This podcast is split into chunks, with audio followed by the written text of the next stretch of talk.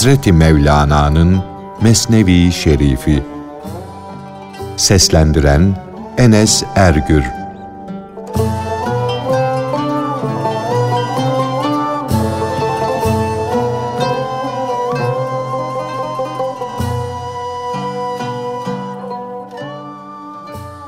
Hüsameddin Çelebi'ye övgüler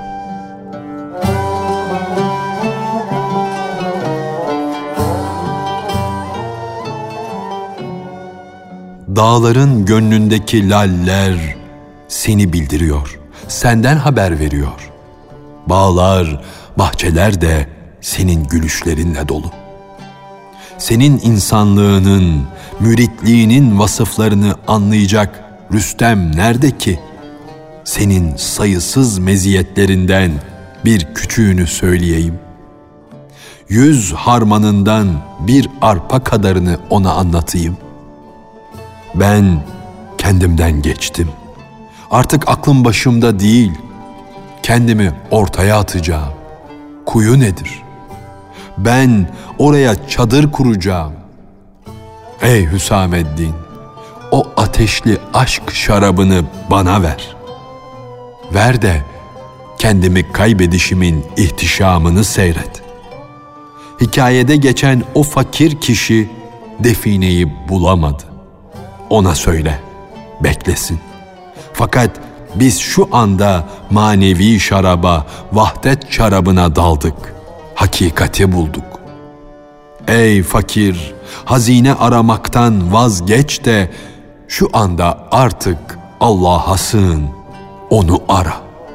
Benden yardım bekleme. Ben yokluk deryasına batmış kalmışım. Benim artık size akıl verecek, yol gösterecek halim kalmadı.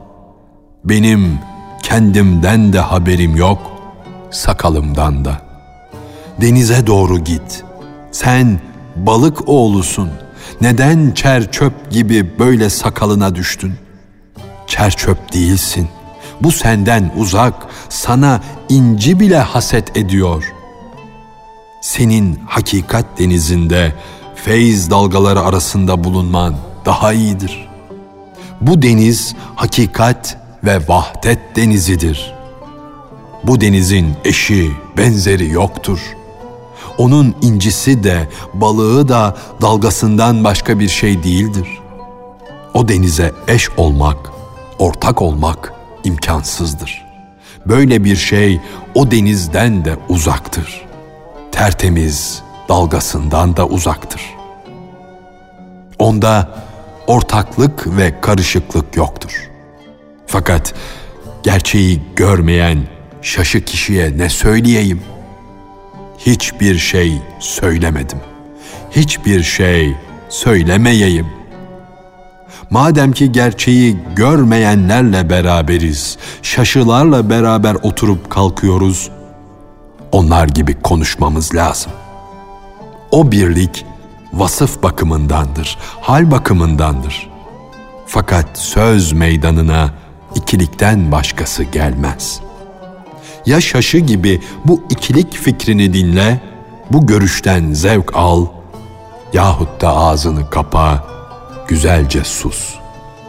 Yahut da nöbetle bazen sus, bazen söyle. Şaşılar gibi davul çal ve selam. Halden anlayan bir yakın kişi, bir mahrem gördün mü, can sırrını söyle. Gül gördüğün için bülbüller gibi öt. Hilekar, ahlaksız birisini görünce sus.'' konuşma. Bir sır küpü ol, kal. O ahlaksız, ilahi bilgiler soyunun düşmanıdır. Ondan sakın. Onun önünde durma. Yoksa onun bilgisizlik taşı küpü kırar.''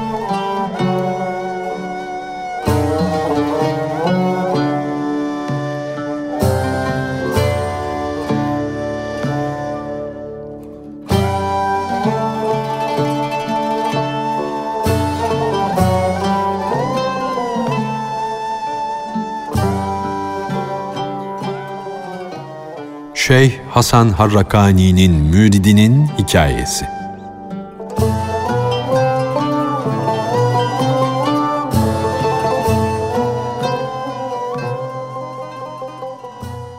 Bir derviş Ebul Hüseyin Harrakani'nin şöhretini duyarak Talkan şehrinden yola çıkmıştı. O büyük şeyh, o gerçek veliyi görmek için dağları aştı. Uzun ovaları geçti. Sıdk ile, candan yalvarışlarla yol alıyordu.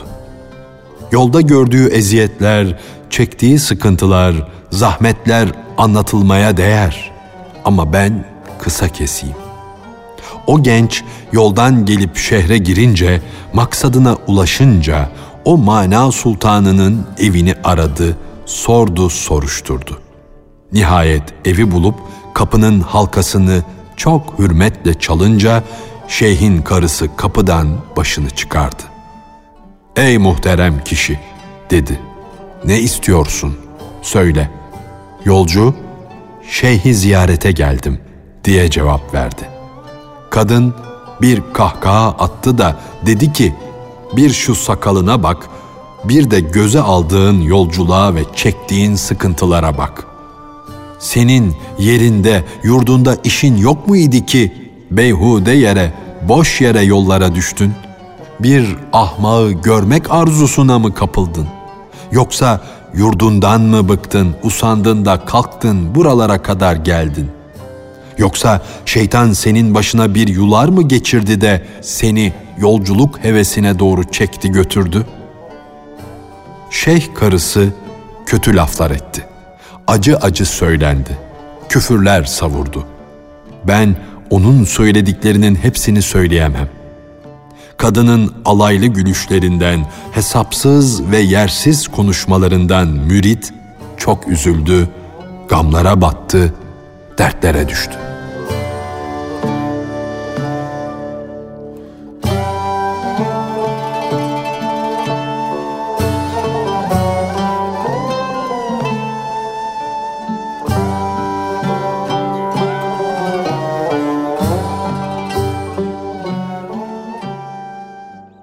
Gelen yolcunun şeyh nerede, onu nerede arayayım diye sorması, şeyhin karısının da ters cevap vermesi.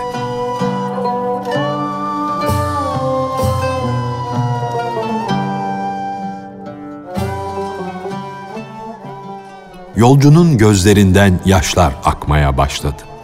Ne olursa olsun o adı tatlı, mana sultanı nerede? Söyle dedi. Kadın cevap verdi de dedi ki, aradığın adam bomboş, bilgisiz, riyakar, düzenbaz bir kişidir. O ancak ahmakları kandırır, tuzağa düşürür, yolunu şaşırmışları büsbütün yoldan çıkarır. Senin gibi yüz binlerce ham kişiler, tecrübesiz budalalar onun yüzünden sapıtmışlardır.'' Onu görmez de sağ ve selamet yurduna dönersen sana daha hayırlı olur. Onu görüp de azgınlığa düşmemiş, sapıtmamış olursun. O laf ebesidir, çanak yalayıcıdır. Hazır sofraya konmayı seven, onun bunun sırtından geçinen yüzsüz bir kişidir. Onun yalancı şöhreti etrafa yayılmıştır.''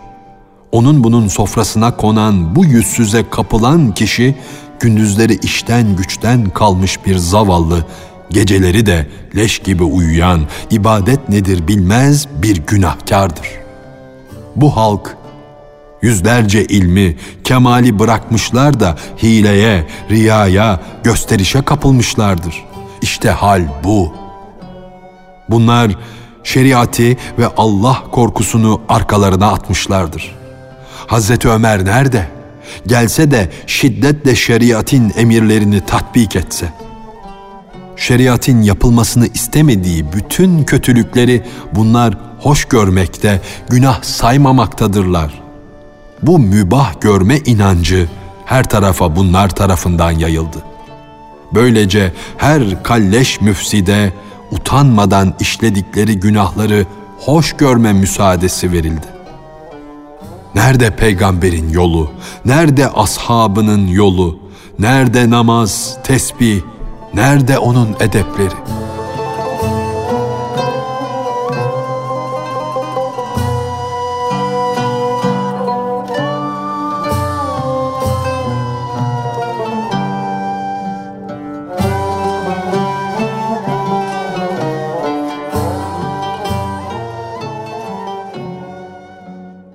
Şeyhi görmeye gelen müridin, şeyhi kınayan, söven, boş laflar eden karısını azarlaması.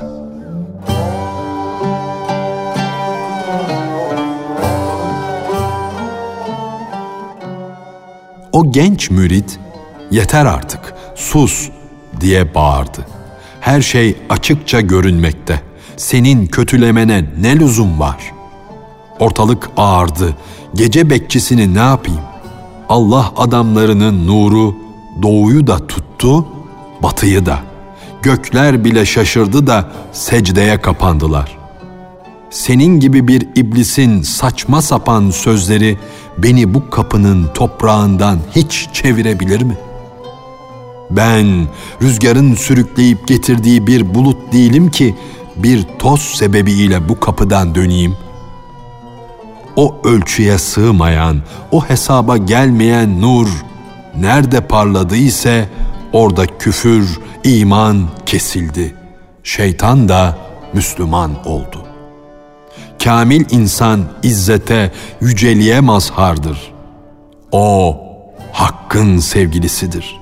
O bütün melekleri de geride bırakmış, ileri geçmiştir. Meleklerin, Adem'e secde etmeleri Adem'in onlardan ileri olmasındandır. Kabuk daima içe, öze secde eder. Ey yaşlı kadın, sen hak mumunu söndürmek için üflüyorsun ama hem sen yanıyorsun hem de başın yanıyor. Nasıl olur da deniz köpüğün azından pislenir, nasıl olur da güneş üflemekle söner?''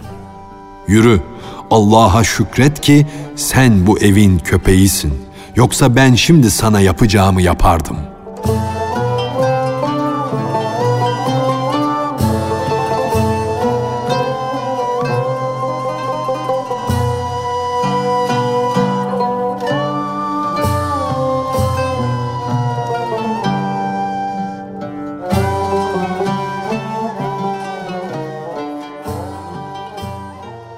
Dervişin şeyhin evinden dönmesi ve şeyhi halktan sorması.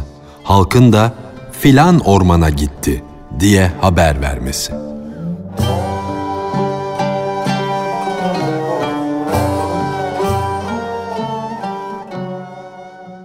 Ondan sonra herkese şeyhi sormaya, şeyhi her tarafta araştırmaya başladı. Derken birisi bu diyarın kutbu odun getirmek için ormana gitti, dedi. Düşüncesi kılıç gibi keskin olan o ateşli mürit, şeyhin muhabbetine kapılıp ormanın yolunu tuttu. Şeytan da aklına vesvese getiriyordu.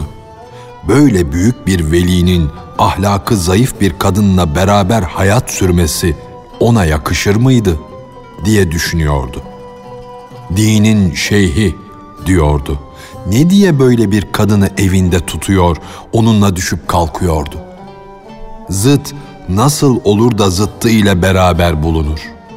Halkın imamı olan bir zat nerede, maymun nerede? Bunlar nasıl oluyor da birbirleriyle uzlaşırlar diyordu. Sonra dönüyor, ateşli bir la havle çekiyor benim onun işine karışmam, onu kınamam kafirliktir, kin güdücülüktür diye düşünüyordu. Ben kim oluyorum da hakkın işlerine karışıyorum, neden içimden böyle şüpheler geliyor diyordu. Derken şeyhin karısına karşı duyduğu kızgınlık yine kabarıyor, nefsi tekrar hücuma geçiyordu. Bu yüzden gönlünden kuyumcu potasından çıkar gibi hiddet dumanları yükseliyordu. Şeytanın Cebrail ile ne münasebeti, ne yakınlığı olabilir ki onunla konuşup görüşsün, onunla yatsın kalksın? Azer nasıl olur da Halil ile düşer kalkar, onunla dostluk kurar? Yol kesen nasıl olur da kılavuzla beraber bulunur, onunla uzlaşır?''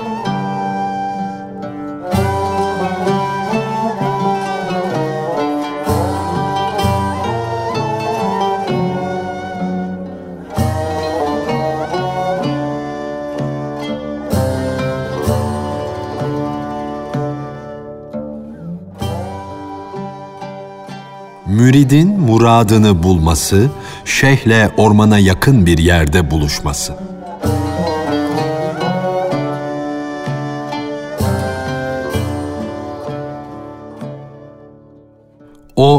Bu düşüncelere dalmış giderken meşhur şeyh bir arslana binmiş olarak önüne çıkıverdi. Kükremiş arslan o odunu taşımaktaydı. O ermiş kişi de odunların üstüne oturmuştu. Kamçısı da Allah'ın bir lütfu eseri olarak erkek bir yılandı. Yılanı bir kamçı gibi eline almıştı. O büyük veli müridi uzaktan görünce güldü de dedi ki, Ey beni görmek için yollara düşen kişi! Sen şeytandan o sözleri duymamış ol. O büyük şey gönlünün nuru ile müridin aklından geçeni bildi.'' O nur ne güzel bir yol göstericidir. O büyük varlık, o hünerli kişi yolda müridin gönlünden neler geçti ise onları bir bir söyledi. Ondan sonra da o güzel sözler söyleyen şey kendi karısının inkarı hususundaki zor meseleyi anlatmak için ağzını açtı da dedi ki: Ben nefsimin hevasına kapılarak şehvete boyun eğerek o kadının cefasına, hakaretlerine katlanmıyorum. Bu şüphe, bu düşünce senin nefsinin bir hayali. Bunun üzerinde durma. Ben sabredip o kadının hakaretlerine katlanmasaydım, onun yükünü çekmeseydim, bu erkek arslan hiç benim yükümü çeker miydi? Bizler hakikat yolunda ileri geçmek için hızlı giden, sarhoş, kendinden geçmiş develer gibi Cenab-ı Hakk'ın ezelde bize yüklediği bu ağır yükü şikayet etmeden, sızlanmadan çekip götürmekteyiz.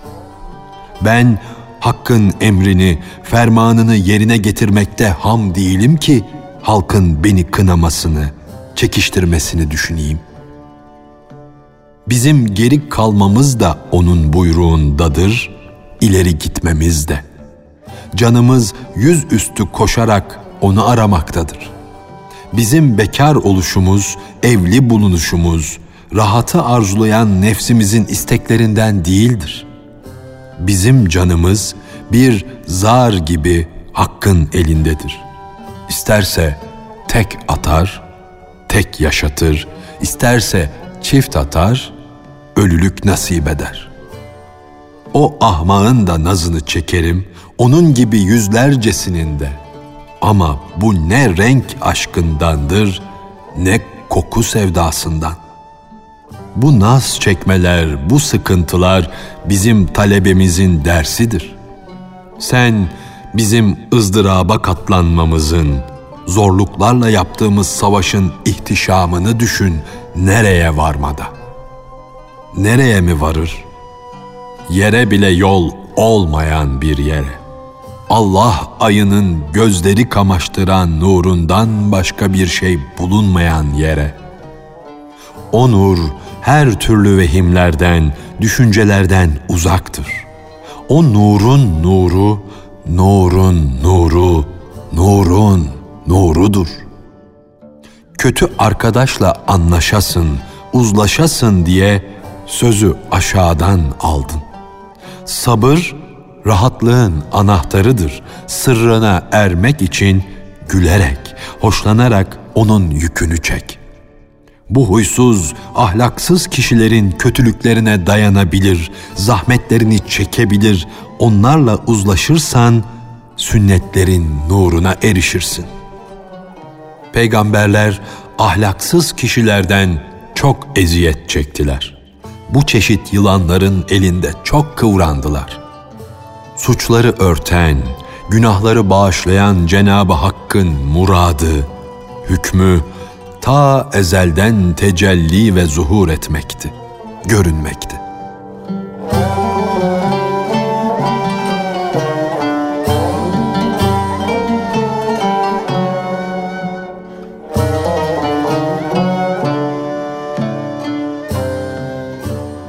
Hazreti Mevlana'nın Mesnevi Şerifi. Seslendiren Enes Ergür